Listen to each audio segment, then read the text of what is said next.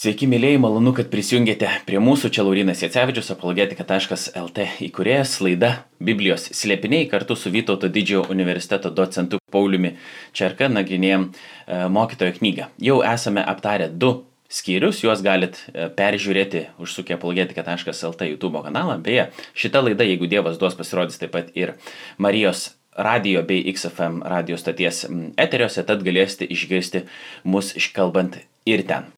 O dabar sveikinuosi su Pauliumi. Sveiki, Pauliu. Sveiki. Bandysim kalbėti apie tokį pakankamai intriguojantį skyrių, skaitysim po kelias eilutes ir aptarinėsim tas, kas labiausiai įstringa. Jeigu pavyks, pabaigsim šiandien trečią skyrių, jeigu ne, nieko tokio, sustosim ties ten, kur sustosime ir kitą kartą tęsime nuo pabaigtos vietos. Bet e, jeigu nėra jokių įžanginių žodžių, Pauliu, tada galiu pradėti skaityti ir pradėsim kalbėti, ne? Taip. Mokytojo knygos trečias skyrius. Viskam yra metas ir kiekvienam reikalui tinkamas laikas po dangumi. Laikas gimti ir laikas mirti, laikas sodinti ir laikas rauti, kas pasodinta. Laikas žudyti ir laikas gydyti, laikas greuti ir laikas statyti, laikas verkti ir laikas juoktis, laikas gėdėti ir laikas šokti. Laikas išmėtyti akmenis ir laiką juos surinkti. Laikas glamonėtis ir laikas nesiglamonėti, laikas ieškoti ir laikas pamesti Laikas laikyti ir laikas išmesti, laikas perplėšti ir laikas susiūti. Laikas tylėti ir laikas kalbėti, laikas mylėti ir laikas nekesti. Laikas karui ir laikas taikai. Tokia, kaip reikėtų galbūt įvardinti, poema tarsi laikui ar odė, nežinau, ar tinka šitas žodis šitoj vietoj, bet kodėl atrodo autoriai, tiksliau mokytojas čia kalba, ne, panašu kodėl jam atrodo yra svarbu kalbėti apie laiką ir ne šiaip apsvarstyti laiko pačią prigimtį, bet kad yra skirtingi laikai arba, sakytum, skirtingi sezonai daryti skirtingus dalykus. Kodėl pirmiausia yra tai svarbu, o po to jausim prie konkrečių eilučių. Na, laiko tema intriguoja ir filosofai, senieji mąstytojai ne vieną kartą yra mąstę laiko klausimų. Šventasis Augustinas pažinimuose svarsto apie laiką. Ir laikas yra mislingas dalykas šiandien fizikai bando įminti laiko myslę ir iki galo jis nėra mums e, suvokiamas, kas tas laikas yra, bet e, mokytojas prie laiko na, klausimų ar tos paslapties prieina šiek tiek kitaip negu mums įprasta mąstytojų arba šiolakinių mokslininkų prieitimi. Jis prieina per žmogišką egzistenciją, e, kaip mes patirime laiką. Jam yra klausimas, ne kas yra laikas, bet kaip laikas mus įtakoja.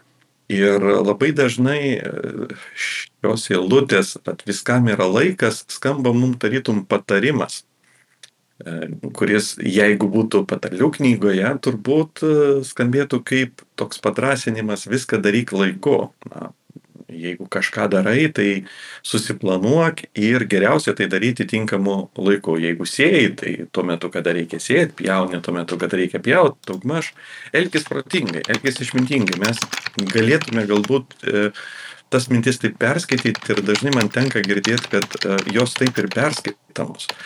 Bet čia mes nepataliau knygoje, mes esame mokytojo knygoje ir šios knygos kontekste idėja yra mūsų trapumas, viskas yra hevel, viskas yra rūkas, viskas yra nesuvaldoma, viskas yra bergžė.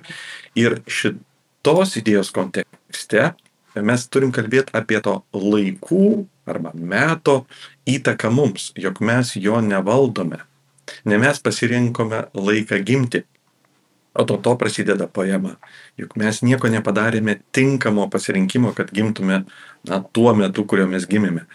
Na taip pat nesirinkam ir laiko mirti. E, įvykiai susiklosto taip, kaip mes neplanuojame. Tai pati pradžia jau mums sako, kad tai nėra mūsų pasirinkimo klausimas, bet tai yra kažkas, kas valdo mūsų gyvenimus. Reiškia, tie laikai yra faktorius, kuris įtakoja mūsų gyvenimus ir mes negalime to rinktis. Mes patenkame į tam tikrus laikus, tam tikrą metą, bet nesame jo pasirinkę. Pavyzdžiui, laikas karui. Karas vyksta mūsų kaimininiai valstybei. Ar tie, ar tie gyventojai mąstė ir galvoja, kad karas pas juos ateis toks, koks jis atėjo, ar jie kažkaip rinkosi jį, ne, jis tiesiog ėmė ir atėjo ir jų gyvenimai apsivertė aukšimkojom. Gal mes prisimenam savo uh, turbūt tėvus ar, ar senelius, jiems teko gyventi karo metu, kažkam pokario metais, kažkam sovietmečio metu. Ir akivaizdžiai, vat, tas laikas suformavo jų gyvenimo patirtis. Kai kurie dalykai tapo neįmanomi, kai tik, kaip, kurie kaip tik įmanomi. Sėkmė ir nesėkmė yra saliginiai dalykai. E, mes negalim na, vertinti žmogaus sėkmę, neatsižvelgdami į tą laiką, kuriame jis gyvena pagrindinė idėja yra tokia, kad laikas valdo mus, arba laikai valdo mus, o ne mes valdome laikus. Žiūrint į tą poemą, e, yra daug įvairių veiklų ir nutikimų įvardinta.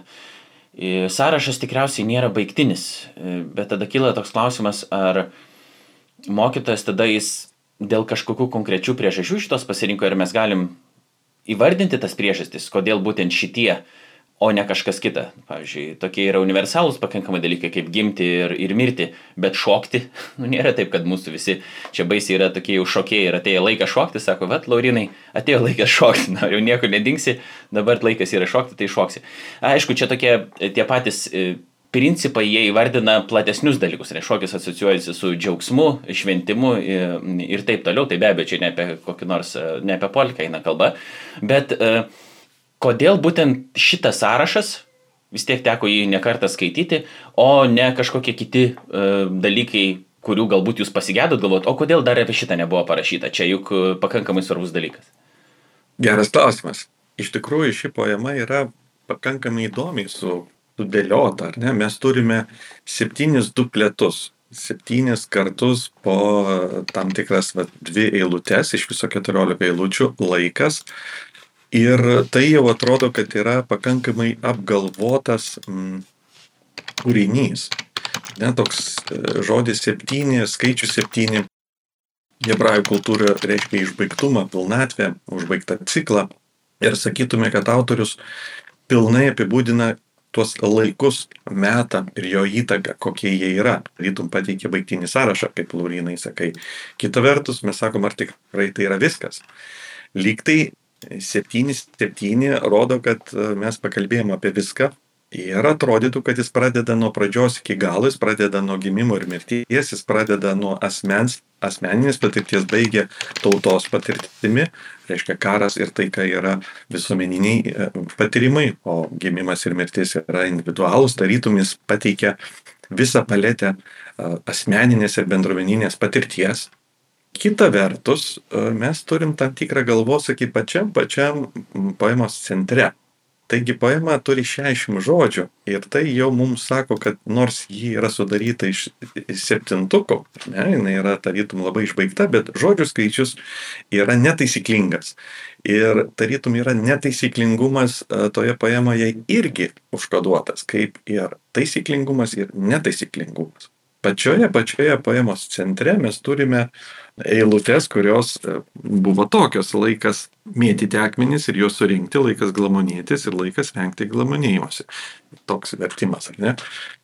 Ir va tas akmenų mėtymas yra galvosakis. Ką jis reiškia? Biblistai, egzegetai yra pateikę įvairių versijų, ką tai galėtų reikšti. Tačiau vien tai, kad tų versijų yra labai daug, rodo, kad nei viena nėra iki galo na, įtikinanti senoviniai vertimai tą eilutę vertė kaip pastatų griovimą. Tai yra, menų rinkimas būtų susijęs su pamato išardymu e, ir, arba jo surinkimu.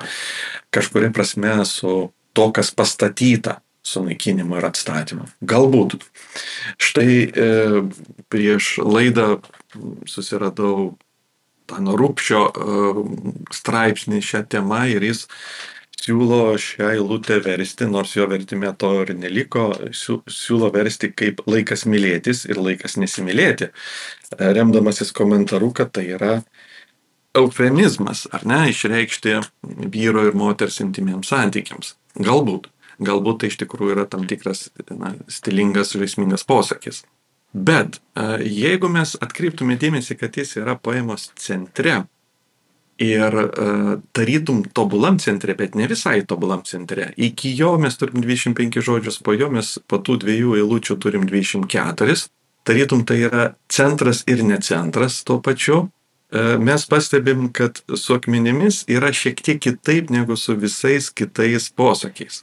Pavyzdžiui, visur kitur mes turime laikas gimti, bet nėra kam gimti. Mes turime laiką sodinti, bet, ne, bet nepasakyta, ką sodinti. O štai šiuo atveju yra pasakyta laikas mėtyti akmenis. Ne? Mes turime pirmą kartą pavartotą um, objektą, ką reikia daryti su, su tuo. Ne tik, kad laikas mėtyti, bet laikas mėtyti akmenis. Ir tuo šitas uh, posakis išsiskiria iš kitų. Jau yra neįprastumas.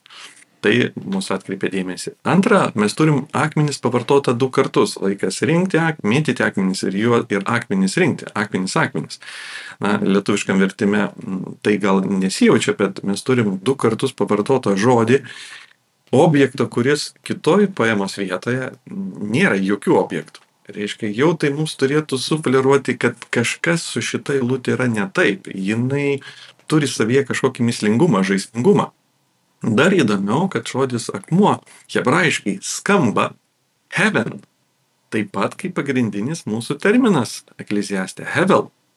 Ir klausant, mes privalom jį asocijuoti su uh, mūsų tema rūko, nevaldomumo, to bergždumo tema. Jeigu taip skaityti pagrindinį teiginį, galbūt yra interpretacija tokia, kad tai yra mums net pažįstamas procesas. Pačiam centre įvairių procesų mes turim procesų, kurio iš esmės mes nepažįstame, kas tai. Bet čia ir visas žaismingumas, kad yra e, metas ne tik procesams, kuriuos mes suprantame, bet dar yra dar paslaptingiau yra metas procesams, kurių mes nepažįstame, kas tai per procesai. Tiesiog jie yra mislingai pasakyti akmenų, akmenų mėtymo a, išsireiškimu, kuris mums nieko nesako. Tai nereiškia, kad jis yra beprasmis, jis tiesiog mums net pažįstamas. Ir jeigu taip skaityti, tai tokiu atveju atsakymas į tavo laurinai klausimą būtų toks. Sąrašas ne visai baigtinis, bet jis turi ir mislingų neapibrieštumų. Pačiam centre yra neapibrieštas procesas, nepažįstamas, mislingas procesas, kuris sako, kad jis vyksta, o mes net nesuprantam, kas tai. Jis tai valdo mus, mūsų gyvenimus, tai nulėmė svarbus e, reiškinius mūsų gyvenimus, o mes net negalim pasakyti iš tikrųjų, kas tai per dalykas, kokiu vardu jį reiktų jį įvardinti. Tai būtų dar viena interpretacija šitos mislingos ir egzegetus kankinančios centrinės įlūtės ir atsakymas į paties klausimą. Beklausant atsiminiau vieną labai konkretų pavyzdį, kas, e, kada gali būti laikas akmenį surinkti, ūkininkai puikiai žino, kai reikia nuo laukų surinkti akmenis tam, kad galėtum to iššakti ir kažką pasėdė, tai ateina sezonas, kai, yra, kai galima jau tos akmenys rinkti, dabar nežinau tiksliai, kada jisai būna, kada jis prasideda, bet tikrai esu girdėjęs ir pažįstu žmonių, kurie tai darydavo nuolat. Akmenų rinkimas buvo kiekvienai, kiekvienais metais palidovas įvairių uh, ūkio veiklų, dėl akmenų išmėtymo nesu tikras, bet e, bandom galbūt tada grįžti prie trečios eilutės, kur e, yra pakankamai keistas toks dalykas pastebėtas kaip laikas žudyti. Kas čia dabar per dalykas? Laikas žudyti ir laikas gydyti. Laikas karui, laikas taikai, nu dar galima suprasti, bet irgi atrodytų pagal numanimą, Negi yra savaime suprantama, kad e, bus karas, gerai, irgi galėtum sakyti taip, savaime suprantama, kad tų karų bus, bet tarsi žmogus gali savo pritaikyti ir galvoti, ai, nu, kaip sakyti, nelabai noriu gal kariauti, bet jau laik, laikas atėjo karui, tai galbūt ir kariausiu tada pats kariausiu, pats inicijuosiu karą. Dabar čia laikas žudyti, nors mes e, žinom, kad įstatymė yra draudžiama žudyti, ne dešimt dievų įsakymų sako, nežudysi. E, vien, vienas iš įsakymų toks yra. Tai ką čia dabar daryti su tokiam keistom eilutėm, kai laikas žudyti? Jo, e, matai, Laurinai, netgi tie dešimt įsakymų žudyti hebrajų kalboje yra turtingesnė terminais negu lietuvių kalba ir pilnai apima skirtingus, na, pasakykime, nužudimo atvejus e, kaip savigina karas ir e, tas nusikalstamas nužudimas. Tai šiuo atveju e, gal mūsų kalba negali perteikti to skirtingumo, bet originalo kalboje skirtingumas yra taip, kaip mes padarom skirtingumą na, tarp skirtingų įvykių. Mes nesakome, kad karys kovojantis, ginantis savo tėvynį yra žudikas, taip priešingai, jis yra didvyris, Ir tai nėra jo asmeninis kerštas, taip, tai yra tiesiog neišvengiama priemonė arba žmogus, kuris save gina. Tai iš tos pusės galima atskirti e, vieną žudimą nuo kito žudimo. Gaila, kad mes netokie turtingi savo žodynų. Bet Čia ekleziastas mums nesako, kad mums reikia kažką daryti tuo laiku. Čia svarbu suprasti, kaip ir sakiau pačioj pradžioj, tai nėra patarimas veikti tinkamu laiku. Tai yra suvokimas, kad į tavo gyvenime vyksta procesai, jie yra nulemiami tiesiog laiko, kuriame tu esi. Mes turbūt suprantam, kad jeigu ateina karas, tai mano gyvenimas, tavo gyvenimas, mūsų gyvenimas drastiškai pasikeis. Gal uh, kažkas taps kariu, kažkas pabėgėliu, kažkas neįgaliuoju, gal kažkam ir gyvenimas pasibaigs taip. Karas daug ką pakoreguos. Ir atvirkščiai, taikos laikas gali būti klėstėjimo, ekonomikos augimo ir kitų gerų procesų laikas. Idėja yra tokia, kad čia ne tai, kad mes kažką darome, bet su mumis kažkas yra daroma. Labai dažnai mes gyvenam kultūrai, kur sakoma, kad jeigu tu viską gerai suplanuosi, jeigu tu tik būsi ryštingas, jeigu tu nepaliausi, jeigu tu viską protingai darysi, e, tau viskas pasiseks ir tu tikrai pasieksi.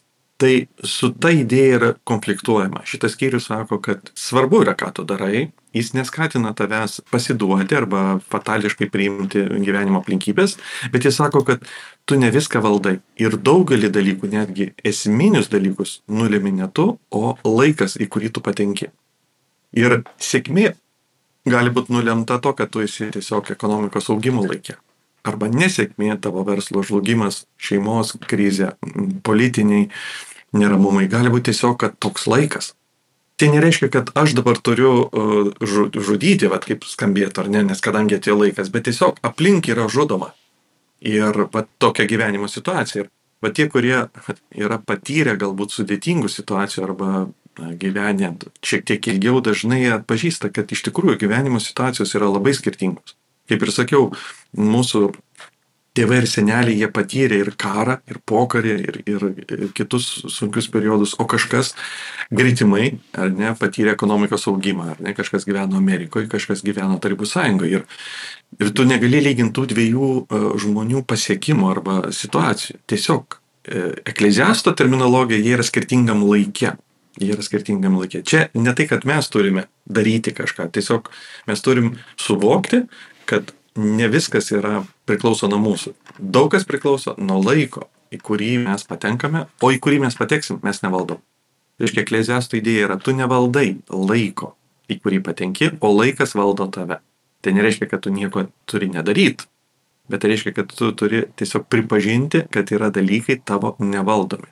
Štai kur yra idėja. Apie tokius praktinius pavyzdžius mes galim pasvarstyti.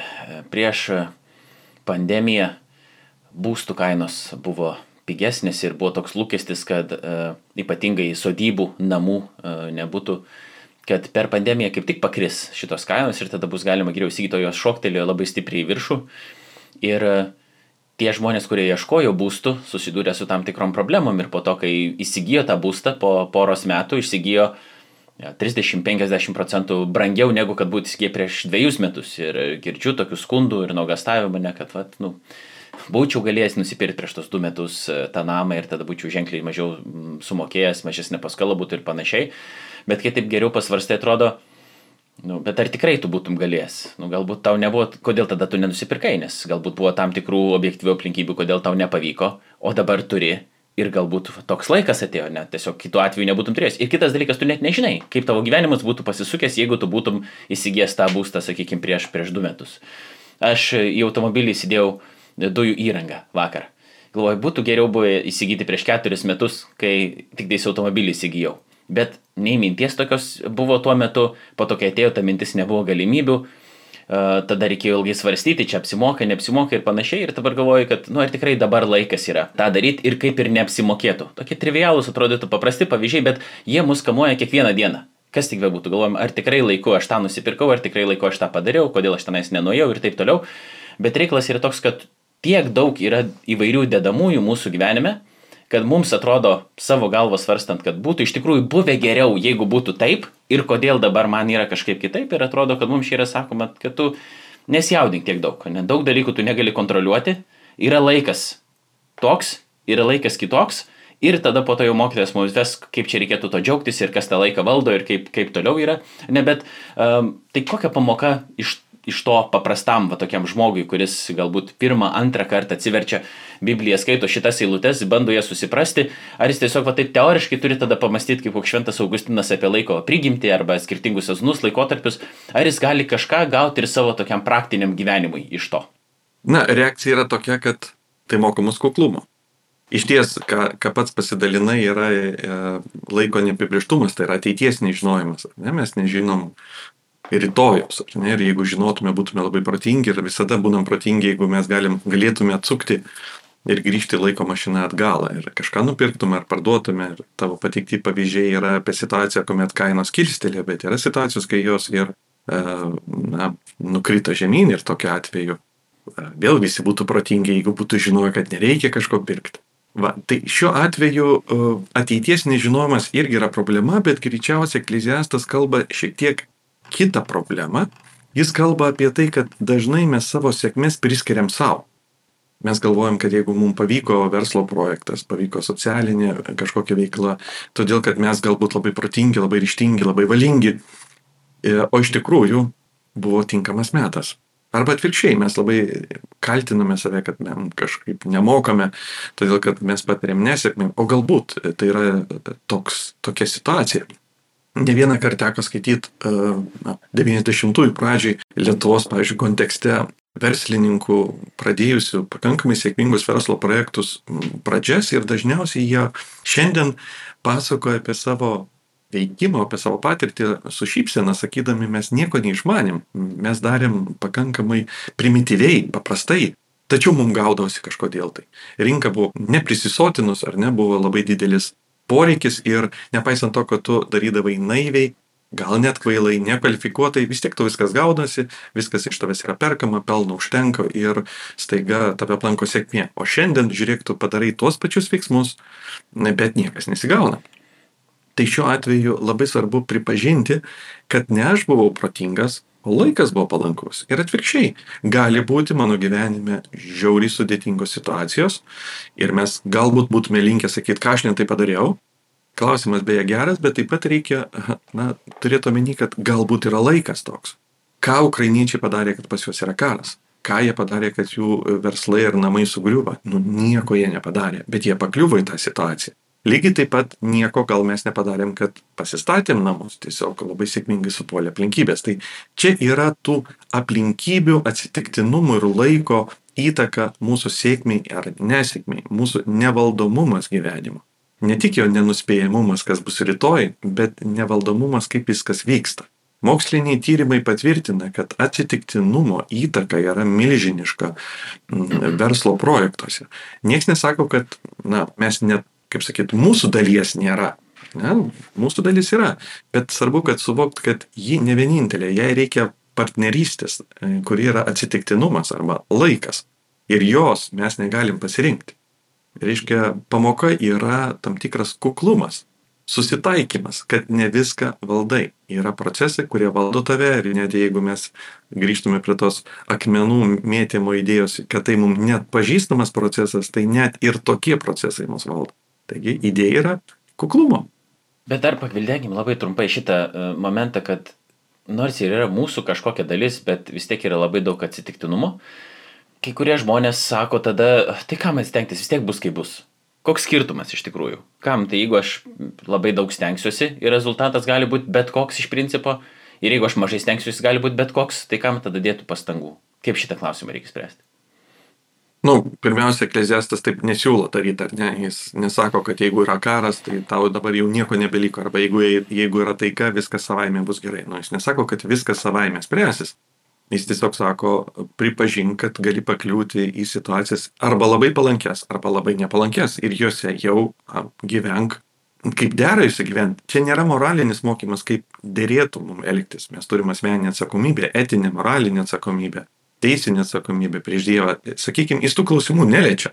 Ir jis nesako, kad vis tiek viskas bus vienodai. Jis to irgi nesako. Jis tik sako, kad pateksi į situacijas, kurių nesirenki. Štai ką jis tik sako. Taip, kad, na, jo idėja nėra fatališkai nieko neveikti, to neusimena, bet jis tik tai pripažįsta, na, nori išmokyti mus tam tikro nusižeminimo, kad neturėtume laikyti, kad mes viską galime nuveikti štai kur jo yra idėja, nelaikyti to, kad jeigu tik norėčiau, tai viską pasiekčiau. Deja, tu taip savo gyvenimo nevaldai. Aš pasakysiu, kodėl aš to klausimu klausiu, nes tenka susidurti tikrai su labai daug žmonių, kurie uh, panašius klausimus kelia, kurie yra susijęs su praktiniais gyvenimais ir kaip iš vis gyventi. Kalbėkime apie krikščionis konkrečiai, krikščionišką tą gyvenimą. Ir jeigu praplėstum visą tai, tai pavyzdžiui ir malda ateitų e, į, šitą kontekstą, kadangi jeigu Dievas pats sprendžia atsakyti, neatsakyti į, maldą ir vis, vis tiek viskas nuo Dievo priklauso, tai ką melstis, kiti manęs klausia. Toks praktinis labai dalykas. Kodėl reikėtų melstis tada, jeigu vis tiek viskas nuo Dievo priklauso ir jis žino, ko aš paprašysiu. Ir aš negaliu netgi paveikti kažkaip Dievą, sakykime, yra mokymų irgi tokių, ne tam tikrų um, konfesijų, tiksliau, denominacinių mokymų tokių. Tai, tai nėra visiškai toks paviršutiniškas klausimas, kad gerai, čia dabar teoriškai mes suprantam, kad mokytas tik tave perspėja apie tai, kad tau reikia turėti nuolankumą ir suprasti, kad gali papulti bet kokį laiką, tik turėk omeny, kad yra labai daug atsitiktinumo. Dar mes klausim, ar iš tikrųjų tik atsitiktinumas, ar yra kažkas kitas, nes toliau kitos eilutės kalba lyg tai apie kažką kitą, ne? Bet šitas klausimas yra pakankamai opus, kalbant grinai apie praktinius, praktinius dalykus. Žmogus gali teoriškai kaip ir suvokti, kad, na taip, kaip ir reikėtų stengtis, bet iš principo galiausiai jisai nuleidžia rankas, nes, nu, gerai, nu tai Dievas viską daro, arba atsitiktinumas viską daro, tai man iš tikrųjų net nėra verta labai čia stengtis. Nu, nu ir kas, kad mane mokytas bando niuansuotai kažkaip perspėti. Koks skirtumas man? Aš pavargau, aš nebenoriu, kodėl man reikėtų. Tai vad, paraginkit tokį žmogų, Pauliu. Jo, e, tas galvosakis, kam melstis, jeigu Dievas žino, ko aš paprašysiu ir jo valia yra nekintama, jis yra geras galvosakis, tačiau e, jis kyla tik todėl, na, klausimas kyla tik todėl, kad mes įsivaizduojam galbūt e, Dievo charakterį šiek tiek įdingai, jog jis yra tam tikras toks tironas, užsidaręs savyje ir turintis įgeidžių, kuris vadovautųsi tik savo įgeidžiais, savo kažkokiais užsinorėjimais ir todėl jis daro, kas jam šauna į galvą ir jokios prasmės nėra nei jo prašyti, nei neprašyti, jam jis vis tiek darys e, kaip koks ek, milijonierius ekscentrikas, ar ne?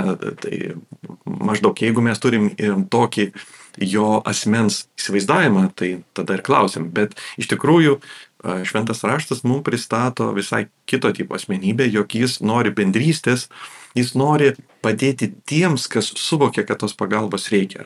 Šiuo atveju malda yra reikalinga ne tam, kad pakeisti E, Dievo sprendimą arba Dievo norėjimą. Jis akivaizdu, kad yra linkęs mums padėti iki tol, ko mes prašome, bet malda reikalinga pastatyti mus į tinkamą padėtį. Tai šiuo atveju e, malda yra faktorius, kuris keičia situaciją.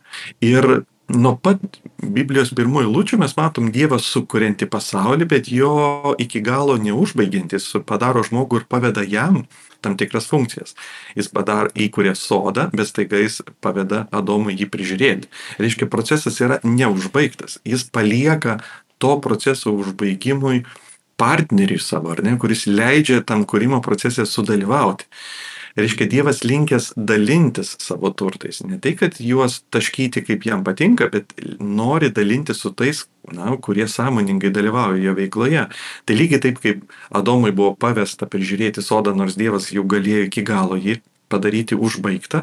Lygiai taip pat ir maldos gyvenimas yra dalykai, kurių mums dera prašyti, dera suvokti, kad mums jų trūksta ir būtent tai Dievas ir nori duoti.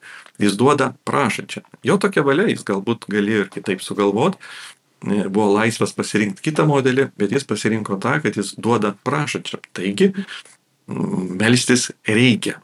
Tai ne tam, kad pakeisti Dievo valią, bet tam, kad ateiti į Dievo valią, nes jo tokia valia, kad jis duotų tiems, kurie prašo. Tai šiuo atveju na, idėja to, na, turbūt gal ir atsakiau, ar ne, kad nėra to fatalizmo, kad įvyks, kas įvyks, nes išlieka mūsų laisva valia. Gerai, pabandom paskaityti dar kelias eilutes, pažiūrėti, ką toliau mokytas mums sako. Nuo devintos. Tad kokia nauda dirbančiajam iš jo triuso? Stebėjau užsiemimus, kuriais užsimti žmonėms Dievas lėmė. Viską, ką jis daro, tinkama tam laikui. Be to, jis įdėgė amžinybę jų širdį, bet žmogus negali perprasti nei pradžios, nei pabaigos to, ką Dievas daro. Taigi mokytas klausia, tokio klausimo, kuris matyti ir mums iškyla, mes čia kažkiek bandėm jį dabar aptarinėti, tai kokia nauda iš tikrųjų iš to triuso. Ir jis atsako taip, kad visa, ką Dievas daro, yra tinkama tam laikui. Ir mes galim klausti tada taip, iš kur mums žinoti, kad dabar yra tiesiog toks laikas ir iš kur mums žinoti, kad galbūt mes neįdėjom pakankamai pastangų, arba mes gal tiesiog apskritai netinkamai elgiamės ir reikėjo daryti kitaip. Galbūt, pavyzdžiui, nereikėjo važinėti ten 40 metų tik tais nu, riedlentę, ir, o reikėjo galbūt kažką kitą daryti tuo metu. Ne? Tai tokie klausimai iškyla, arba ten nereikėjo galbūt atostogauti tris metus, o reikėjo pradėti anksčiau dirbti. Nu, belė kokie pavyzdžiai, kokie tik tais ateina į galvą, dabar aš to sakau. Tai kaip, kaip atskirti, ar iš vis yra įmanoma, ar net ne apie tai mes esame raginami mąstyti šito įlūčių? Čia, čia nėra pasakyta, kad mes visada na, suprasim, kaip reikia pasielgti. Ir iš tikrųjų mes esame žmonės, mes turim permastyti savo elgseną, daryti išvadas, keistis. Taip ir šiuo atveju, na, nebijoti ir tos klaidos. Idėja šitų įlūčių yra tokia, kad mes niekada nematom pilno paveikslo. Ir dažnai mumise pastebėjus tam tikrus procesus mes jaučiam tarytum didelę neteisybę. Kodėl taip įvyksta? Kodėl yra karas, kodėl kažkam labai sekasi, ar kažkur labai yra didelė nesėkmė, kodėl kažkas gimsta, kažkas miršta. Mums pikta yra, nes mes matom tik vieną seriją, mes matom nedidelį laiko atkarpą ir staiga mes sakom, tai yra neteisinga. Mes kaltinam Dievą sakydami, kad tu esi neteisingas. Nes žiūrėk, e, taip neturėtų vykti. Mes turim tą įgimtą teisingumo jausmą ir tai, ką mes stebim, mes aiškiai matom, kad tai yra kažkas ne taip. Bet mokytas mums sako, mes nematom viso serialo. Mes matom geriausiu atveju vienos serijos kažkokias tai nuotrupas, bet nematom nei to, kas buvo iki ir nematom, kas bus po. Jei mes matytume visą serialą, galbūt daug kas įgytų prasme. Reiškia, autoriaus idėja yra tokia, kad mes nematom, o Dievas mato. Dievas daro viską tvarkingai ir laiku, bet kadangi mes nematom, mums atrodo, kad tai yra nelaiku ir netvarkingai. Bet tik todėl, kad negalime nuo pradžios iki galo na, suvokti ir užmanyti. Ir štai čia 11 eilutė yra įdomus žaismingas autoriaus pažaidimas su tekstu. Lietuviškai mes skaitom, kad jis įdėjo žinybę į mūsų širdį ir mums atrodo dažnai cituojama eilutė ir mums atrodo labai aiški, jog mes turim tam tikrą amžinybės nuovoką, nuojautą, bet e, hebrajiškas tekstas yra su klaida. Žodis, kuris išverstas kaip amžinybė, holem turi e, gramatinę klaidą, ten trūksta vienos priebalsės, vav. Ji tiesą tariant nesigirdi ir e, mes ištariam šį žodį taip, kaip tartume amžinybę, bet parašytas jis yra su klaida ir iš tikrųjų Biblijos autoriai dažnai žaidžia su tam tikrais, na, žaismingais žodžių pasirinkimais, sąskambiais. Ir ne visada jie rašo, na, sakykime, idealiai laikydamėsi gramatikos taisyklių, kartais jie daro sąmoningas klaidas, linksnių, raidžių praleidime, tam, kad atkreipti tam tikrą dėmesį. Netgi Biblijos pati pradžia, pirmoji lūtė jau yra galvosakis ir gramatinės pusės, nes pradžioje Dievas sukūrė dangų ir žemę, problema yra tokia, kad turėtų tekstas mums pasakyti pradžioje kieno, bet jis ten nepasako pradžioje kieno. Ir tai jau e, yra rabinistinių diskusijų ir e, šiolakinių egzegetų, e, na, toks disputas, ką tai galėtų reikšti. Ir tokių rašto vietų ir teksto vietų yra labai daug, kuomet tarytum yra gramatinė klaida, bet aiškiai padaryta sąmoningai, ne todėl, kad žmogus beraštis, bet todėl, todėl, kad jis žaidžia su tekstu. Kaip šiandien reklamose mes kartais matom sąmoningai padarytą klaidą tam, kad jį žodžio klaidą, kad mums atkreiptų dėmesį ir būna žaismingos klaidos, praleista raidė, įrašyta raidė arba kažkokia raidė, kuri mums asocijuojasi su, su kažkuo. Tai tuos pačius na, principus taikė ir to meto biblistai. Ir štai čia žodis amžinybė yra su viena praleista raidė. Todėl vertėjai turi galvosakį arba tą raidę sakyti, kad praleista ir yra amžinybė. Kita vertus, galime sus, sudėti skirtingai balsės ir mes gautume tamsą. Reiškia, mes turim žai, žaidimą, kad tai, kas parašyta, gali reikšti tamsa arba a, skamba kaip amžinybė. Ir viena ir kita iš tikrųjų a, perteikia tai, kad yra kažkas mumise, bet mes iki galo nesuprantam kas. Ar ne, yra ta, vadinkim, karo lūkas. Žaidimuose kompiuteriniuose yra ta tamsa, ar ne, kai, kai tavo herojus pradeda gyvenimą ir jis nieko nemato, kas yra aplinkui, tik labai nedidelį lauką aplink save, ar ne? Tai vas, žmogus tarytum gyvena su ta tamsa širdyje, jog jis keliauja per gyvenimą ir negali pamatyti pilno vaizdo. Taip, galbūt Dievas jį mato, bet mes gyvename uh, su tam tikim labai ribotu matymu. Matom aplink save šiek tiek, uh, šiek tiek į dešinį, į kairę, šiek tiek atgal ir į priekį, bet to yra per maža, kad suprasti veiksmą. Ir žaidimas yra, žaismas yra, kad mes turim tą amžinybės pojūtį arba tamsa, kad mes nesuprantam iki galo, kaip tai veikia, bet galim suvokti, kad tas, kas viską planavo, jisai mato o mes niekaip negalėsim to pamatyti. Tai vėlgi, šita idėja yra suvokti, na, pripažinti savo menkumą, kad negalim visko suprasti. Kodėl įvyko, kas įvyko, kodėl yra tokie, o ne kitokie procesai, nes per mažai matom. Tik labai gražiai išreikšta, kad mes tarytum vaikštom su ta, na, tamsa aplink save, reiškia, matom labai nedaug, o į tolį arba į praeitį pamatyti negalim. Mūsų požiūris yra per, per menkas mūsų pažinimas. Tai toks žaismingas galvosakis ir na, viena iš biblistinių mislių. Aš galvoju dar, kad šiaip labai daug priklauso nuo to mūsų supratimo išeities taško, ar mes galvojam, kad iš tiesų tie skirtingi laikotarpiai ir laikai, laikai yra, vyksta dėl atsitiktinumo, ar dėl to, kad iš tikrųjų Dievas viską valdo ir jis viską daro, kas yra tinkama tam laikui. Nes jeigu tai yra atsitiktinumas, tai pasaulis yra baisus. Tu nežinai, kaip kas bus, ne, viskas gali nusibraukti per akimirką, gali aplankyti laimę per akimirką, gali e, laimėjimas kažkoks e, piniginis arba sėkmė susitiksi kažkokį žmogų, kuris tau labai patiks ir su kuriuo kursi gyvenimą, bet gali uh, nutikti ir mirtis, ir trauma, darbo praradimas, bet kas, kas tik nori. Ne? Ir jeigu tai yra atsitiktinumas, tai pasaulis yra žiauriai baisus. Tu turi visą laiką būti įtampoje, nu, tai nes tu nežinai kaip, arba tiesiog susitaikysi, kad gali būti bet kaip, ar ne, tokį gyventi tarsi šiokiam tokiam nihilizme. Ne? Bet jeigu Dievas viską valdo ir jeigu Jis viską daro, kas yra teisinga tam laikui, tai tu gali, jeigu ir nesupranti kažko dabar ir tau skauda, nenorėtum, kad tai būtų. Jeigu kažkas nutinka gyvenime, kas yra negera. Bet taip pat, jeigu yra kažkas džiaugsmingo, nuostabaus, tu žinai irgi, kad tikriausiai praeis kažkada, bet virš viso to yra Dievas ir jis viską daro, kas yra tinkama tam laikui, tai tu gali pasitikėti. Ir ypatingai, jeigu žiūri į Dievą, taip, kad jisai yra mylintis, kaip kad minėjot prieš tai. Jis yra meilė ir jis nieko nedaro ir jis siekia mūsų naudos. Nors mums gali atrodyti kažkaip kitaip, kad kodėl man neskriaudžia, bet iš tikrųjų viską Dievas daro uh, dėl to, kad būtų mums gerai. Tik tais mes geri kitaip galbūt įsivaizduojam. Ne? Tai teisingai aš čia mastau, ar ne? Kad nuo to požiūrio taško labai daug kas priklauso to gyvenimo viltis arba gyvenimo beviltiškumas ir baimė.